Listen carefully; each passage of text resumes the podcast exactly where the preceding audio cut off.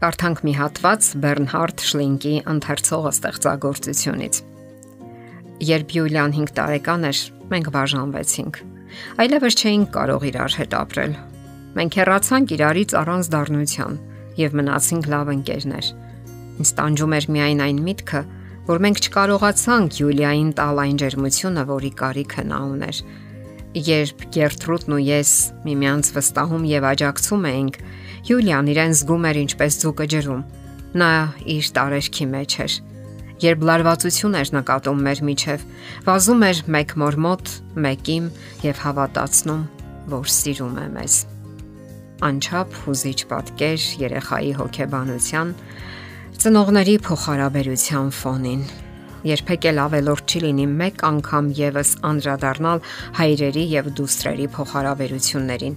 Այս ոլորտում տեղի են ունենում թե դասերակցական վրիպումներ եւ թե իսկապես սխրագործություններ, երբ ճիշտ հարաբերությունների արդյունքում աղջիկները կարողանում են շատ բանի հասնել կյանքում։ Կյանքում հաճախ ստացվում է այնպես, որ հայրերը երազում են տղայի մասին, սակայն տեսնելով աղջկան, միանգամայն վերափոխվում են եւ նորովի գնահատում հայր-դուստր փոխհարաբերությունը։ Նաև գաղտնիք չէ, որ շատ ընտանիքներում գոյություն ունի կանխակալ կարծիք երեխայի սեռի առումով, եւ այդ հողի վրա տեղի են ունենում տարաձայնություններ եւ ավելի մեծ ուշադրության են արժանանում արական սեռի զավակները։ Եվ այնուամենայնիվ, պետք չէ ընկնել մյուս ծայրահեղության մեջ, ճափից ավելի մեծ ուշադրություն դարձնել աղջկան եւ այդ կույր սիրո արդյունքում վնասել նրա անznային որակները։ Դա կարող է լինել ճափազանց խստությունը, միջամտությունը նրա անձնական կյանքին եւ այլն։ Իսկ ահա ճափավոր, մտածված եւ խելամիտ մտածման դեպքում իդեմս հոր աղջիկը կարող է ձեռք բերել իր ամենահավատարիմ ընկերոջը։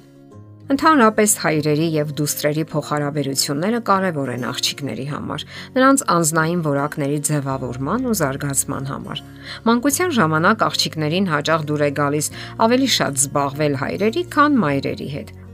Հայրերը հազվադեպ են իրենց ձայնը բարձրացնում փոքրիկ աղջիկների վրա եւ չարաճճիության ավելի շատ հնարավորություն են տալիս։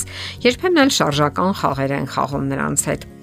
Աղջիկներն ավելի մեծ համարցակությամբ հայրերից են խնդրում խաղալիք գնել իրենց համար։ Իսկ ահա մայրերն ավելի պահանջկոտ են դուստրերի հանդեպ ստիպելով, որ հետևեն կարգապահական բոլոր կանոններին։ Սակայն նկատենք, որ նման կույր սերը հաճախ ունենում է իր թերությունները ամենավաղ հասակից հայրը ձգտում է պաշտպանել իր դստերը բոլոր հիմնախնդիրներից եւ այն ամենից, ինչը հնարավոր սпарնալիք է թվում նրան։ Նա կարող է լուրջ զրույցի բռնվել խաղահարապարակում նրանց հետ, ովքեր նեղացրել են իր երեխային։ Կարող է գնալ դպրոց, պարզաբանելու վեճերը։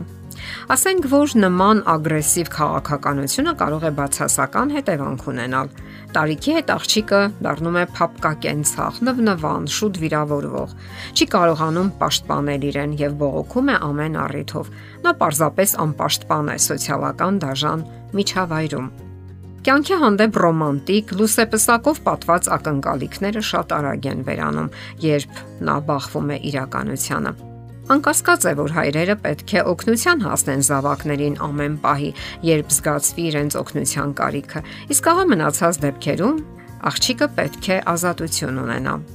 Բոլորս են կենսական փորձառություններ ձեռք բերում, բախվելով կյանքի հետ, կապտուկներ ստանում, քերծում մեր ձեռքն ու ոտքը, լացում եւ այլն։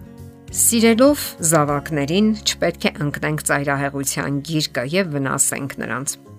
Գերդոզայավորումը վնասակար է ոչ միայն մայր-տղա փոխհարաբերություններում, այլև հայր-դուստր փոխհարաբերություններում։ Հարկավոր է պահպանել ճափի զգացումը։ Լավ հայրը պետք է լինի աղջկա կողքին։ Նրան սատարի, ծանոթացնի արտաքին աշխարհի ողջ բազմազանությանը,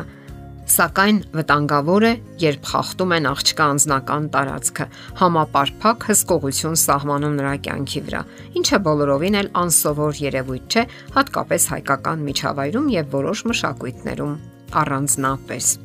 Ընդհանրապես աղջկա կյանքը չպետք է սահմանափակվի միայն խոհանոցով եւ ձեռագործությամբ։ Այստեղ հայրը անելիք ունի։ Հայրը պետք է լայնացնի աղջկա մտահորիզոնը եւ ընդհանրապես Որպես հակառակ սեռի ներկայացուցիչ նա պետք է խթանի աղջկա հետաքրքրությունները տնից դուրս, ճանոթացնի շրջապատող աշխարհի հետ։ Եթե օրինակ աղջիկը վախենում է հեծանիվ նստել, վարել, հայրը կարող է վստահություն ներշնչել նրան, կարող է զարգացնել նրա ֆիզիկական հնարավորությունները, առավոտյան վազել նրա հետ, գնալ ձուկ բռնելու, արշավներ գնալ, ճանոթացնել բնությանը եւ այլն։ Այս ամենը նա պետք է անի նրբանակատորեն եւ ոչ կպչուն ձևով, հարգելով աղջկա անznական ազատությունը։ Ինչ վերաբերում է դասիրակության եղանակներին, հայրը երբեք չպետք է ուժի դիմի, ձեռք բարձրացնի աղջկա վրա։ Հարվածը ոչ միայն ֆիզիկական ցավ է պատճառում, այլև հոգեբանական տրավմայի է ենթարկում։ Դեռ երկար տարիներ դա պահպանվում է նրա հիշողության մեջ Որոշ հոգեբաններ այն կարծիքին են, որ հայրերից ծեծված աղջիկները չեն կարողանում կառուցել իրենց ընտանիքը։ Նրանց մի մասը վախենում է տղամարդկանցից, մյուսները յենթագիտակցաբար սպասում են, թե երբ պետք է նա ցավ պատճառի իրեն։ Մյուսներն էլ չեն կարողանում կառուցել իրենց հարաբերությունները տղամարդկանց հետ։ Առաջին տղամարդը, որին նրանք ճանաչել են իրենց կյանքում, հայրն է, եւ վերջինս պետք է կարողանա դրական պատկերացում ներարկել հակառակ սեռի վերաբերյալ։ Եթե աղջիկները չեն ստանում դրական հույզեր, լարված վիճակում են։ Իսկ որpիսի նման բան տեղի չունենա, հայրը պետք է լինի աղջկա լավագույն բարեկամը։ Եթերում ընտանիք հաղորդաշարն է։ Հարցերի եւ առաջարկությունների համար զանգահարել 033 87 87 87 հեռախոսահամարով։